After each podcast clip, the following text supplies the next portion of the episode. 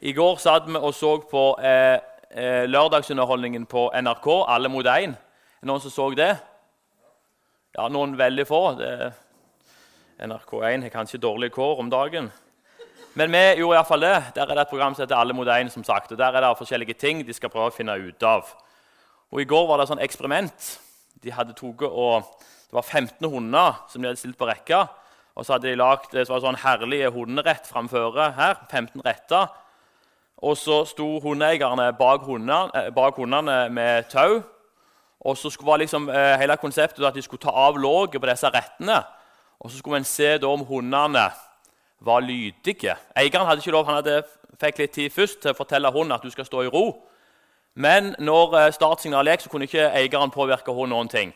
Og Så skulle hundene da stå i ett minutt, og så skulle en da se hvor mange av de 15 som var lydige, og hvor mange av de som ikke var lydige, gikk fram og spiste disse delikatessene som NRK hadde satt fram. Og Hjemme hos oss så tippte vi sånn, med sånne tavler med kritt. Jeg skrev ned hvor mange jeg tippte at det var fem som klarte det. Men Lydia hun tippte 15. Hun, hadde, hun trodde at alle kom til å klare det. Og De tok opp disse her lågene, og så, så, hadde Lydia rett. Det var bare én golden retriever som ikke klarte å holde seg i skinnet. Mens alle de andre var lydige. Det synes jeg var litt kult at de hadde det, for jeg, jeg, skal jo tale om lydighet i dag. Så for meg så ble det på en måte en litt sånn bekreftelse på Guds ledelse. Og det har jeg hvilt i i morges. Og det er det, det er det denne talen skal handle om. Lydighet. Ledelse og den freden som det å være i lydigheten gir. I dag så har lydigheten kanskje dårlige kår. Og noen tror kanskje at lydighet er forbeholdt hunder, men det er det altså ikke. For den opprinnelige meningen var at vi mennesker med fri vilje skulle leve livet vårt i lydighet til Gud. Fra opplysningstida av, men det er jo lenge før det, men da har det kanskje tiltatt, så har lydigheten gått fra nederlag til nederlag. Og lydigheten blir fort forveksla med svakhet i vår tid. Tenk sjøl ikke ta altfor god fisk. Vær kritisk. Det er de beste rådene vi kan gi. Eh, på slutten av fjoråret, når avgangselevene skulle takkes av, så holdt rektor en tale. Rektor som for øvrig er en eh, framifrå god rektor. Men hun sa noe som jeg eh, har tenkt litt på. Og Hun sa det at de eneste absolutte sannhetene vi har, det er de fysiske lovene. Resten må dere finne ut av sjøl. Så tenkte jeg litt på det etterpå. Er det alt vi har å gi til den kommende generasjonen? Er det alt de har å ha i ryggsekken eh, på den veien de skal gå? For meg så ble det på en måte en bekreftelse av den tida som vi lever i.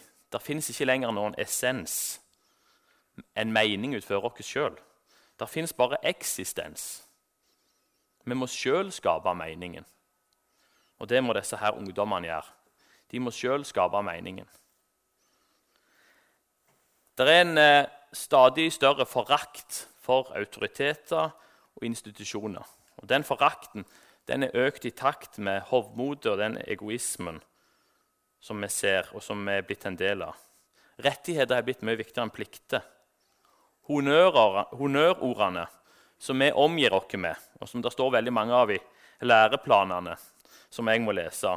Det heter mangfold, toleranse, medbestemmelse, demokratiforståelse og kritisk tenkning. Lydigheten den står på mange måter i et slags motsetningsforhold til alt dette her. Så lydigheten er på mange måter blitt en dinosaur, en telefonkiosk uten wifi.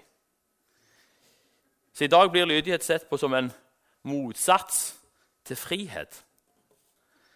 Frihet i dag blir av mange definert som å kunne gjøre hva en vil, når en vil, hvor en vil, så lenge ikke en skader andre. Og få setter bedre ord på dette enn artisten. Jeg hørte faktisk denne sangen i min egen stue. Da innså jeg at jeg hadde svikta fullstendig på oppdragelse i forhold til musikk. Men plutselig hjemme så hørte jeg eh, følgende tekst. Jeg driter i om regninga blir for høy. Jeg driter i om naboen lager støy. Jeg føler meg bra. Samme hva de sier, er jeg alltid glad. Lever her og nå, lever heller gal, er jo bare jo-jo-jovial.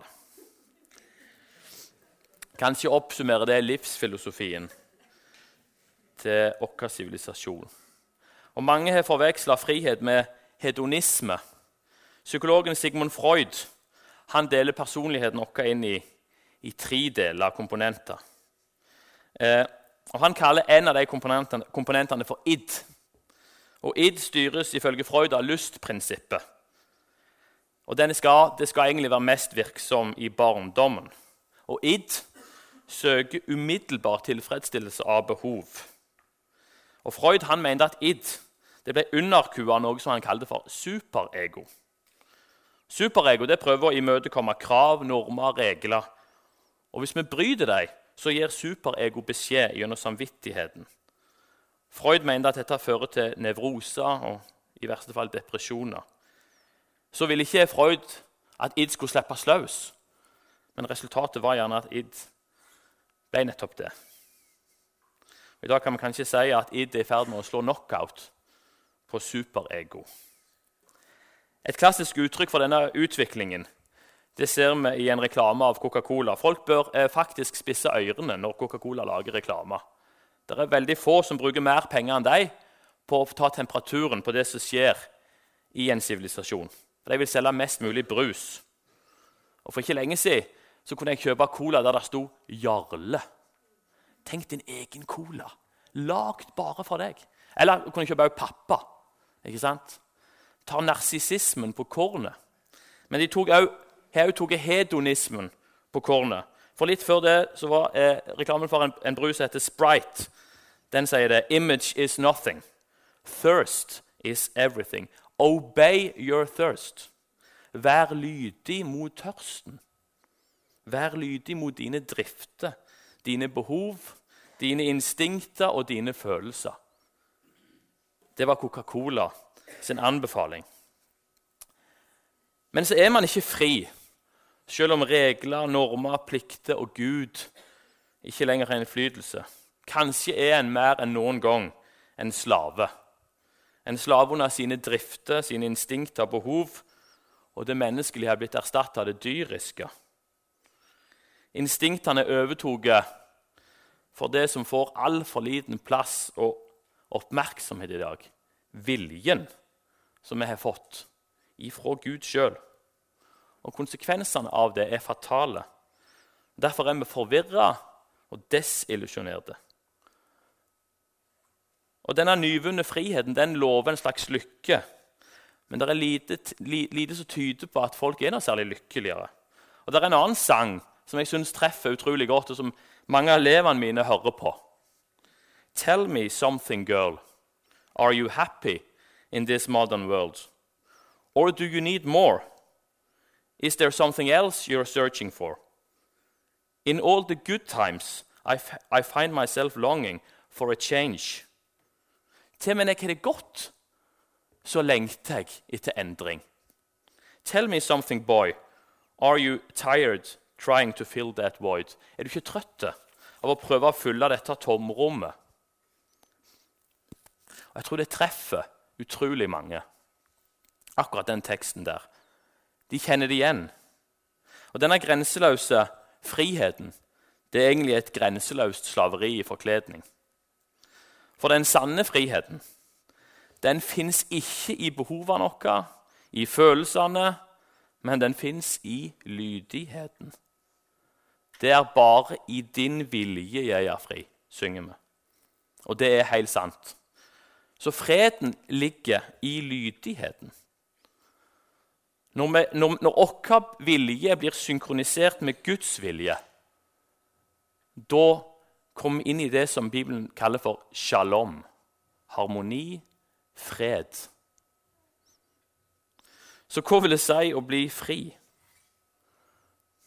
Jesus sier at uh, det handler om å dø. Det handler ikke om at du er god nok. Det handler ikke om at eh, du er unik. Du må faktisk dø og bli født på ny. Der ligger det. Du er unik, men du er ikke god nok. Det er derfor du må bli født på ny. Det var derfor Jesus døde på korset. Det var fordi vi ikke var gode nok. Og Jesus sier den som vil redde sitt liv, skal miste det. Men den som mister sitt liv for min skyld, skal få evig liv. Og her ligger nøkkelen til den sanne friheten. Det handler ikke om at vi skal miste oss sjøl. Det handler om at vi skal finne oss sjøl. Vårt opprinnelige design. Den som egentlig var tenkt til å være. Det finner vi i, i lydigheten, i Jesus. Og hva er egentlig lydighet? Denne serien har sikkert mange fulgt med på en serie, en, denne høsten. Jeg har sikkert mange fulgt med på en serie som heter Lykkeland. Jeg har iallfall sett den eh, serien der. Og Der er det to, eh, to, ulike menigheter som blir karikert. Den første er en sånn tradisjonell pietistisk bedehusforsamling. Og der har, der har, de beholdt loven, mens det ser ut som evangeliet sakte, men sikkert har forsvunnet ut bakveien.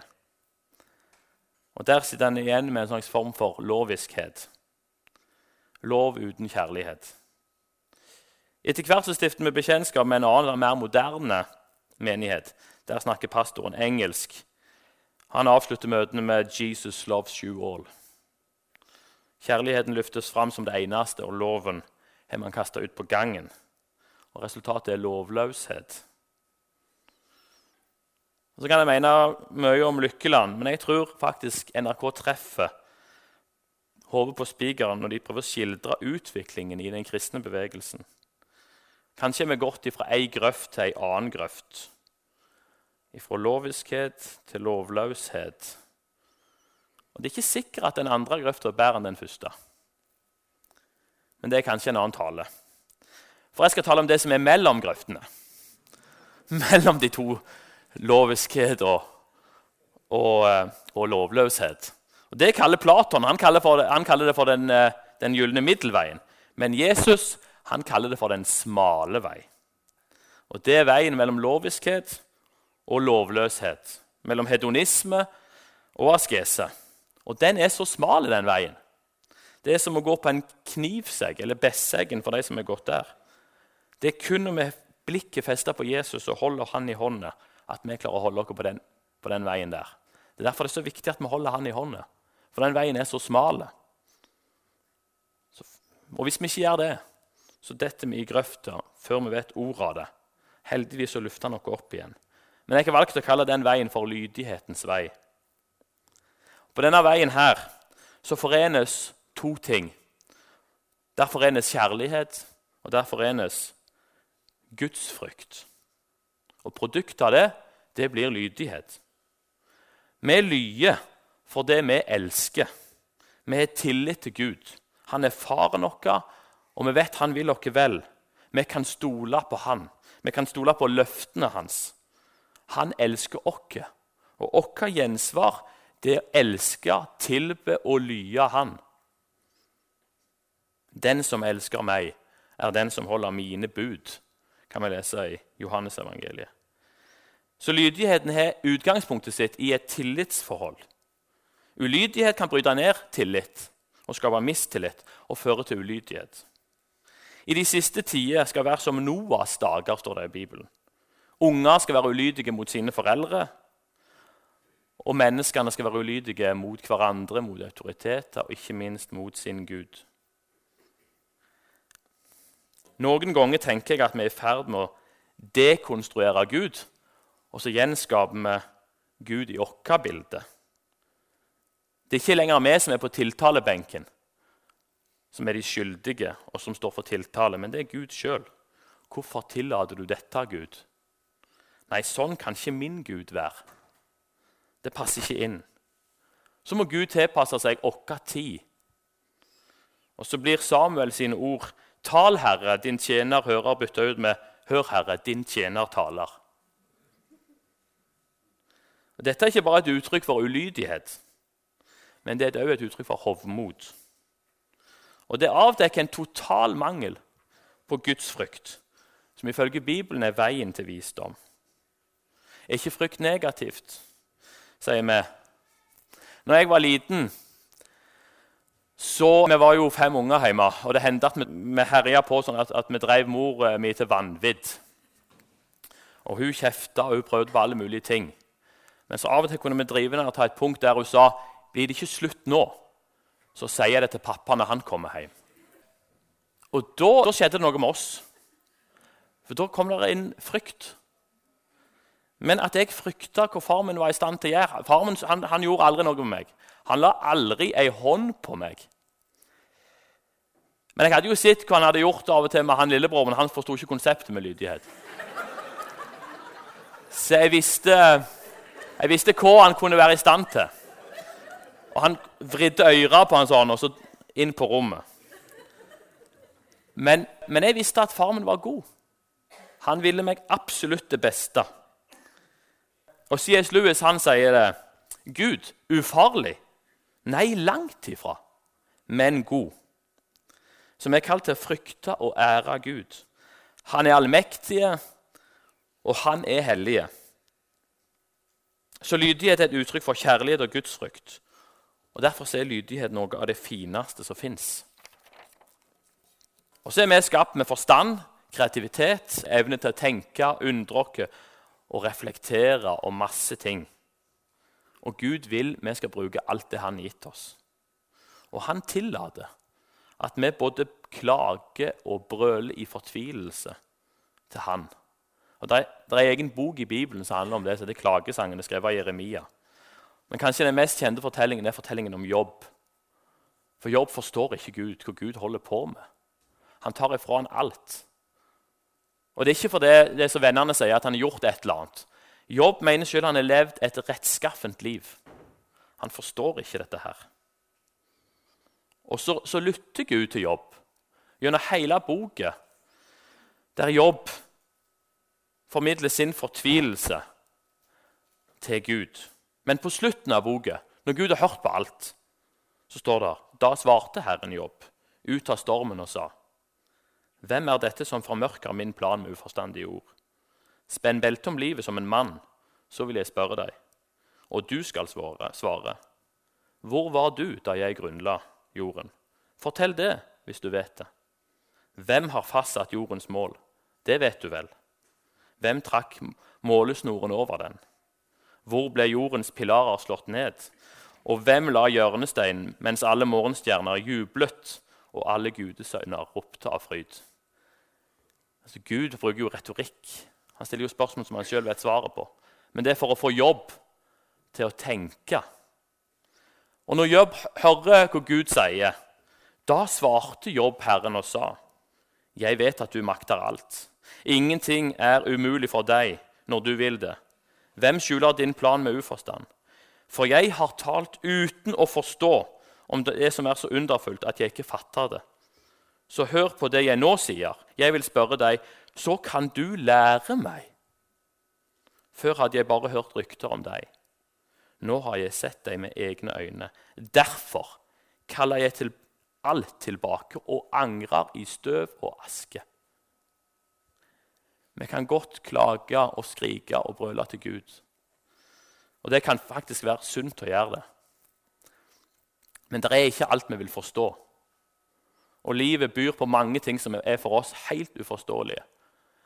Men vi må være klar over at vi har et forferdelig lite synsfelt. Jeg har ikke bare levd på denne jord i et lite millisekund. egentlig, fra 1981 og nå er vi i 2019. Det er utrolig at jeg skal kunne ta disse store konklusjonene i forhold til Han som er vår her hele veien. Den allmektige sjøl. Det er noen ting som jeg tror og jeg har forsont meg med at de spørsmålene får jeg ikke svar på før jeg kommer hjem. Så må det bare være sånn. Noen av de mest kritiske menneskene som finnes, det er lærere. Eh, og vi skulle bygge, Der skulle bli en ny skole her nede for noen år siden. Og så Arkitektene sendte disse her tegningene ut på høring. Og vi hadde jo forferdelig mye innsigelser. For de kan jo ikke pedagogikk. Og de hadde jo ikke studiepoeng i, i det vi hadde studiepoeng i. Så vi skrev noen lange, noen lange sånne eh, responderte på, på, disse her høringene som ble sendt inn til disse arkitektene. Arkitektene ga blaffen, heldigvis. Det ble ikke tatt til følge. De bygde skolen sånn som de hadde tenkt. Og vi lærere var jo selvfølgelig indignert. Det er vi jo alltid hvis ikke de hører på oss. Og vi kom ned i den skolen, var jo, vi var jo helt sikre på at her var det altfor mye glass, blant annet, husker jeg. Men eh, ting dempa seg så utrolig kjapt. Etter en måned var det ikke noen som sa en, ingenting. Det var helt greit. Og Sånn tenker jeg det av og til. Vi så det ut fra vårt perspektiv. Men arkitektene de forsto jo hvordan et sånn et stort bygg må være. Hvis det skal bli fred og ro i dette bygget, så må det være sånn, sånn og sånn. Det skjønte ikke vi. Vi trodde vi skjønte det. Og Sånn tror jeg av og til det er med oss og med Gud. Akkurat som det var med læreren og arkitektene. Som en rød tråd gjennom Bibelen så kan vi lese om lydighet. Og Vi kunne nevnt ufattelig mange eksempler. Men jeg har valgt noen. Abraham. Han levde i Ur i Kaldea. Den fruktbare, den, den fruktbare halvmåne het det på den tida. Det var der det var mest ressurser. Han levde i Rogaland, Abraham. Kunne ikke ha det bedre. Der levde Abraham. Og så sier Gud, bryt opp. Bryt opp ifra sikkerheten din, komforten. Gjør som Bilbo Baggins, ut av Hobbitdalen, ut på eventyr. Og så gjør han det. Men så er det ikke slutt der. Han venter på en sønn, og når han får den sønnen, du skal ofre den sønnen. Og så består han selve lydighetstesten. Jeg tenker på Josef, som var en slave i Egypt og har jobbet under Potifar i lang tid. Og Potifar, vi som er menn og har testosteron Vi kan tenke oss Potifars hustru var sikkert en av de flotteste damene som var i Egypt. Hun byr seg fram og prøver å forføre Josef. Det er lydighet.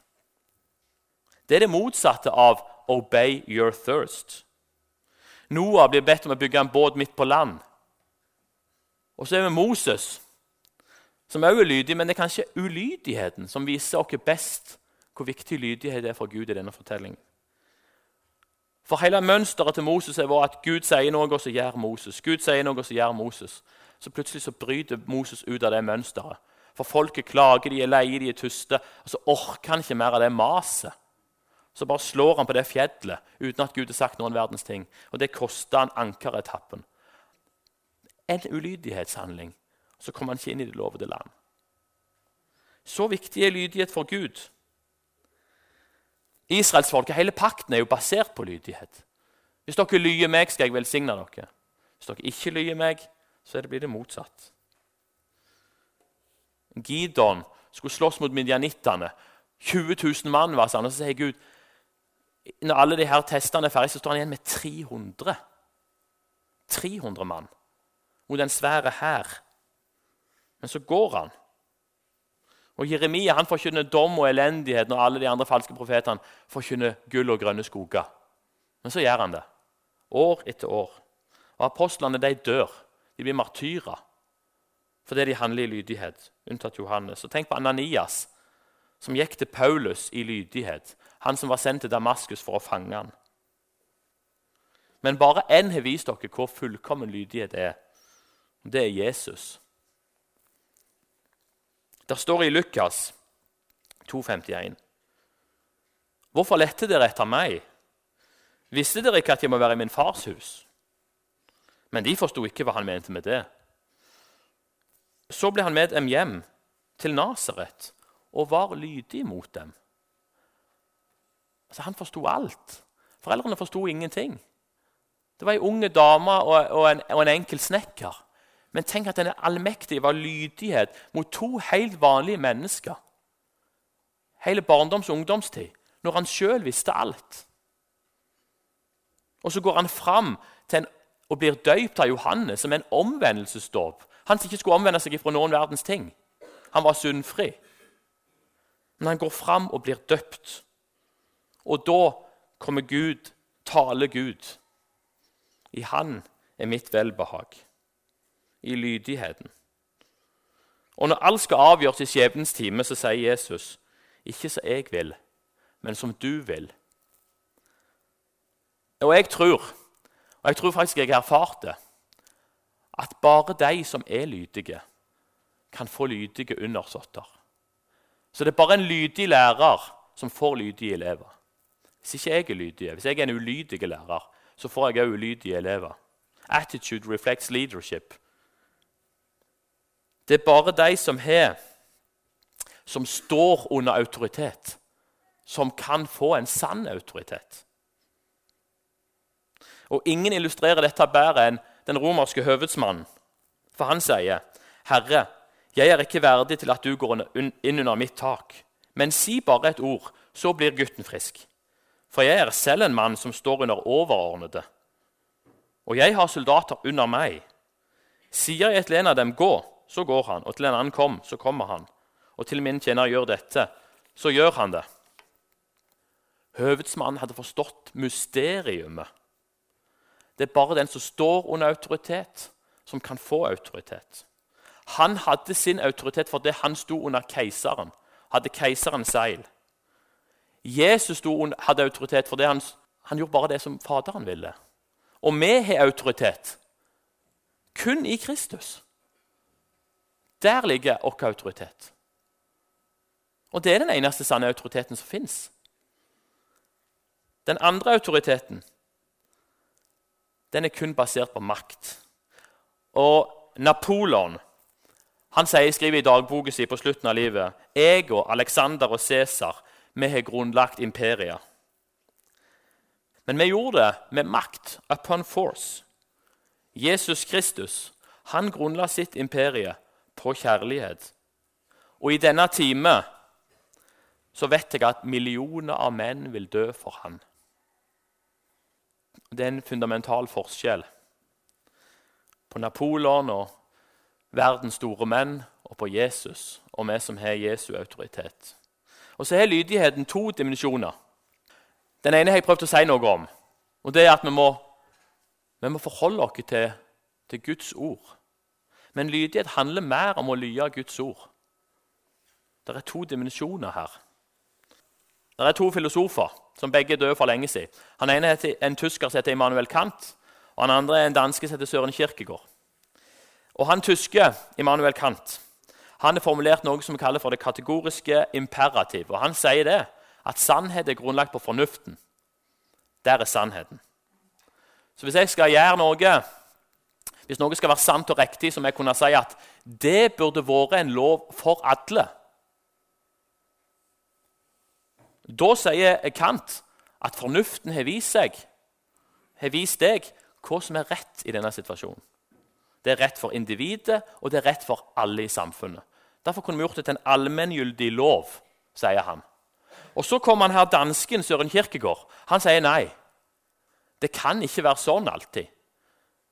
Det er ikke sånn alltid. Og Så skriver han en bok som heter 'Frykt og beven', og så, så kommer han med et eksempel med Abraham. Tenk om det hadde vært en lov. Du skulle ofre din egen sønn. Det går jo ikke. Dette er jo helt irrasjonelt. Gjorde Abraham feil da? Spør Kirkegård. Nei, han gjorde ikke det. For det er noe som står over. Det er noe som står over fornuften. Og lydigheten. Jeg tror Gud kan kalle oss til å gjøre ting som verden vil si er helt irrasjonelt. Som bryter med all sunn fornuft. Og mange har gått på det. Hans Nilsen Hauge, Arild Edvardsen. Vi har en her som jeg føler gjør det hele veien. Børge Salte. Kanskje du òg opplevd det i ditt liv. At du har gjort ting som der og da virker helt merkelig. Men ledelsen er så sterk på at du skal gjøre det. Så Derfor så handler lydighet mye mer enn om å være lydig mot Guds ord. Det handler om å være lydig mot Guds ledelse. For Gud leder dere gjennom sin hellige ånd. Og så skal vi være lydige mot den ledelsen der. En av mine trushelter han heter Einar Lundby. Han har jo snakket om eh, mange ganger før. Og så er du en som heter Jens Petter Jørgensen òg, som aldri blir lei av å snakke om Einar Lundby. Så han òg snakker om han hele veien. Men Einar Lundby for å si det igjen, han var en suksessfull lege. Og han opplevde det der Are you happy in this modern world? Nei, jeg er ikke det, sa Einar Lundby. Så han sykemeldte seg reiste ut i skogen, og han havna etter hvert på en brøytekant. Og Der slår han opp i Bibelen, så leser han Johannes 14, 21. Den som kjenner mine bud og holder dem, han er det som elsker meg. Og Det forandrer livet til Einar Lundby. Og så er det utallige fortellinger om Einar Lundby. Hvor, Gud leder han inn i. Og Jeg skal ikke ta den fortellingen som eh, Jens Petter Jørgensen alltid tar. Men jeg skal ta en annen en. For Gud han leder eh, Han sier til Einar Lundby en dag at gå inn, gå inn på den restauranten og spis en god middag. Einar Lundby har ingen penger. Han bruker jo alt han har på å bygge et hvilehjem som heter Solborg. Og slår litt sånn ifra seg, Men stemmen, du skal gå inn på den restauranten og en god middag. Det er jo helt fjernt å gå inn på en dyr restaurant og sitte og spise en god middag når en ikke har penger. Einar Lundby han gjør det til slutt. Går inn og setter seg på den restauranten og spiser middag. Mens han sitter der med denne dyre retten, så kommer der inn en studiekamerat som han ikke sitter på lenge. setter seg ned med Einar Lundby, Han syns det var utrolig gildt å treffe på Einar Lundby igjen. Så På slutten av måltidet sier han studiekameraten jeg får det så føre meg at jeg skal betale for begge i dag. Så gjorde han det. Og Det fins hundrevis av sånne anekdoter om Einar Lundby. Så Gud han, eh, han kaller oss til å leve etter, etter, hans ledelse, ikke bare etter hans ord. Men, men så starter nok ikke lydighetens vei. Det starter ikke med tror jeg da, at Gud kaller dere til å gå inn på fine restauranter uten penger. Det er ikke her det begynner. Eh, og det begynte iallfall ikke der for Einar Lundby. For Einar Lundby han sier det starta en helt annen plass. Og han, For Lundby så, så, ja, så, måtte han omvende seg og ta et oppgjør med noe som han litt diffus kaller for seksuell synd. Og Sånn tror jeg det begynner for de aller fleste av oss. Det begynner med helt jordnære, konkrete ting. Ofte så tror jeg det handler om omvendelse. Å vende vekk ifra. Tilgi. Bli tilgitt. Det er ikke sånn at Gud bare hopper over ting. Nei, nå vil han ikke, det der vil han ikke. Da prøver vi noe annet. Så minner Gud dere på det igjen og igjen. Så det er mange i dag som sier det at For vi snakker jo mye om ledelse i dag. Og Jeg var jo inne i en organisasjon som heter Ungdom i oppdrag. Der snakket de om å høre Guds stemme hele veien. Så det er mange som sier i dag at vi ikke hører Guds stemme. Er det fordi, Jesus, er det fordi Gud ikke snakker lenger inn i menneskene sine liv? Noen ganger så tror jeg at Gud helt bevisst holder seg unna et taus for at vi skal herdes. Han vil ikke at vi skal være sånn feedback-avhengige unger som trenger bekreftelser hvert sekund. Så Av og til kan det være det, men ofte så tror jeg at Gud har talt for lenge siden. Men der vi etterspør ledelse, så etterspør Gud lydighet. Og Kanskje handler det ofte om ignoranse. Så lydighetens vei det begynner i det små, og ofte det smertefulle. Hvordan kan vi vite da? Når er det Gud, og når er det oss? Einar Lundby igjen, han var jo med i noe som heter Oxford-bevegelsen. og Det skal sikkert vi som er med i MF være litt sånn skeptiske til. Men de hadde fire absolutter. Og de, Oxford-bevegelsen de sa at hvis det Gud leder deg til, hvis det ikke bryter med absolutt kjærlighet, absolutt ærlighet, absolutt renhet og absolutt uselviskhet, så kan du gjøre det.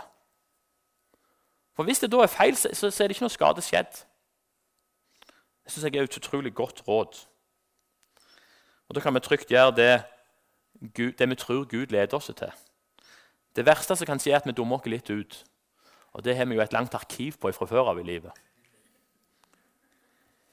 I lydigheten så ligger det en herlig befrielse. Det er faktisk ikke opp til oss. Det er ikke hvor vi kan koke i hop. Det er ikke våre evner, ressurser eller kreativitet det står på. Vi skal bare være lydige mot det Gud gir oss. Vi skal bare handle på Hans ord. Vi skal egentlig bare lytte og gjøre. Så enkelt. Så vanskelig. Men det er en fantastisk frihet i det. Nå vet ikke jeg hvordan det ligger an med, Jeg tror faktisk det ligger greit an med klokka. Men jeg hadde en sånn opplevelse for ei tid siden, i høst på høsten da er det mange bedehus som skal liksom booke inn de som skal tale til våren. Og Da får du en del sånn telefoner over folk som, om du kan komme og tale der. Og Så ringte det ei dame fra Ebenezer på Gandal og spurte om jeg kunne komme og tale der i vår. Eh, og jeg husker på en måte, Min første innskytelse var nei, det, det, nå, det, nå har jeg sagt ja til altfor mye fra før av. Men så sa jeg til henne at jeg, jeg må tenke litt på det. Så så sender jeg en mail. Og Allerede da var jeg i ferd med å formulere den mailen. hvordan jeg skulle på en måte avslå dette på en fin og høflig måte. Men så var jeg faktisk her Jens Petter Jørgensen han kom opp hele veien, så var jeg her på Jens Petter Jørgensen i uka.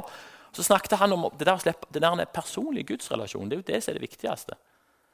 Og så hadde jeg glemt av det der greien. Og så, eh, så Sykkelen var punktert, så jeg måtte gå til jobb. Folk burde jo gått mye mer. Så jeg gikk.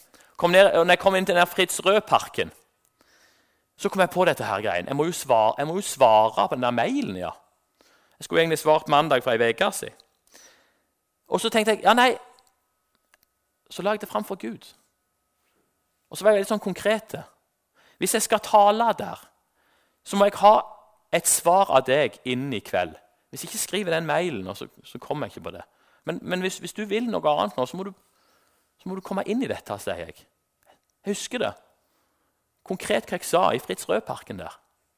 Og så gikk dagen. Og Etterpå skulle vi til Brusand og spille kamp med, med Kåsen 2. Det er jo en prøvelse hver gang. Det er en middelmådighet som er helt forferdelig å se på, men det er en annen, det er en annen, det er en annen fortelling. Jeg hadde iallfall lidd meg gjennom den kampen. Og Så kom jeg plutselig på at Liverpool skulle også spille kamp den kvelden. og jeg gikk ikke den kanalen. Så slo det meg plutselig jeg skulle ringe svogeren min. for han er lenge siden jeg har. Så kan jeg slå to fluer i en smekk. Så jeg ringte han om han skulle se kampen. Ja, han skulle se kampen, jeg kunne bare komme. Så kjørte jeg opp der. Og Så setter jeg meg ned i stolen der og ser på den kampen. Så kommer der inn en fyr som jeg ikke har sett. Jeg vet hvem han er, men det er flere år siden jeg har sett han, og han, han går ikke sånne plasser som dette her. Noen av, første, noe av det første han sier, var 'Jeg var på Ebenezer på fredag'. Altså, sånn, sånn kan Gud lede. Og når jeg da kjenner bare den freden den freden der er å være i det, ja, men da gjør jeg jo bare det. Da kan jeg bare svare på den mailen, så er jo alt greit. Det er en fred og ro i det, da. Som jeg tror i fall for min del jeg opplever altfor sjelden. Det er fordi jeg ikke inviterer Gud inn i livet mitt. Kanskje i den grad som jeg heller burde gjort.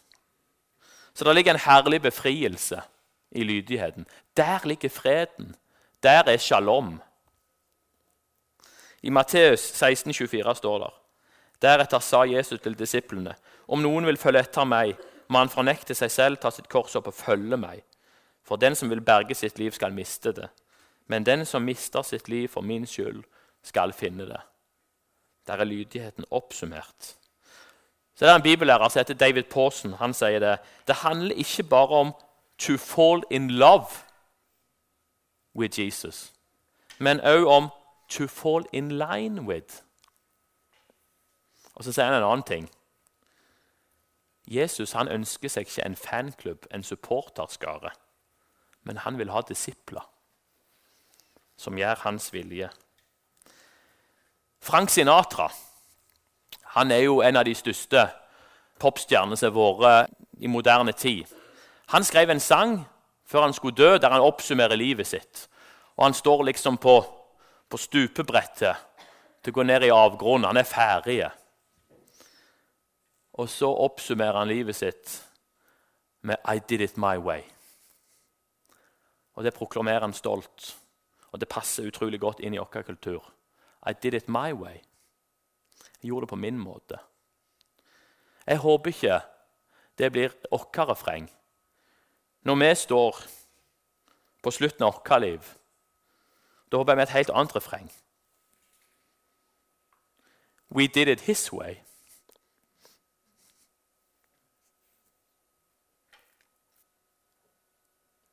Og det er et totalt annerledes utgangspunkt. Og det er et totalt annerledes mål. Og Nå skal jeg eh, runde av. Vi var på lederkonferanse i høst i Bergen. Og Da var det ei dame som fikk et ord fra Josva. Israelsfolket skulle ta inn en by som heter Ai. Men det gikk ikke. De tapte. Grunnen til at de tapte, det var fordi det var en mann som hadde vært ulydige. De hadde vunnet over et annet folk før, og Gud hadde gitt beskjed om at ingenting skal dere ta med dere fra det folket der. Men han hadde blitt frista til å ta med seg gull og andre verdigjenstander. Han hadde gravd de ned og gjemt de under teltet sitt. Og Så minner Gud israelsfolket på det. Finn den mannen. Grav opp de tinga. Det er derfor dere ikke vinner. Kanskje er det der skoen trykker. Jeg forsto ikke når hun delte det. Jeg forsto ikke hvor hun ville hen med det ordet, men jeg forstår det. Jeg forsto det etter hvert. Kanskje er det der det trykker for vår del òg. Det er kanskje noen ting som må graves opp, som må fram i lyset, for at Gud skal lede dere videre på veien. Og Kanskje minner Gud deg på Gud deg på noe som skal graves opp. Kanskje opplever du gjerne at, eh, at Gud er taus. Men Gud kan vise deg hvorfor han er det. Og Så blir det eh, mulighet for forbønn heretter. Jeg bare oppfordrer dere til å oppsøke det. Og Så trenger det ikke være her, det er at vi har huskirke der ting kan tas opp. Og Kanskje er noe av en sånn en art at det beste er å ta det opp med en fortrolig venn, bare. Skal vi be. Kjære far, takk for ditt ord. Takk for at vi kan stole på deg. Takk for at dine løfter holder. Og takk for at, vi, at vi bare skal få være lydige. Takk for den befrielsen og friheten der ligger i det. Så ber jeg om at du må vise oss ting hvis det er ting som skal graves opp, eller det er andre ting som du vil vise oss, sånn at vi kan gå videre på lydighetens vei. Amen.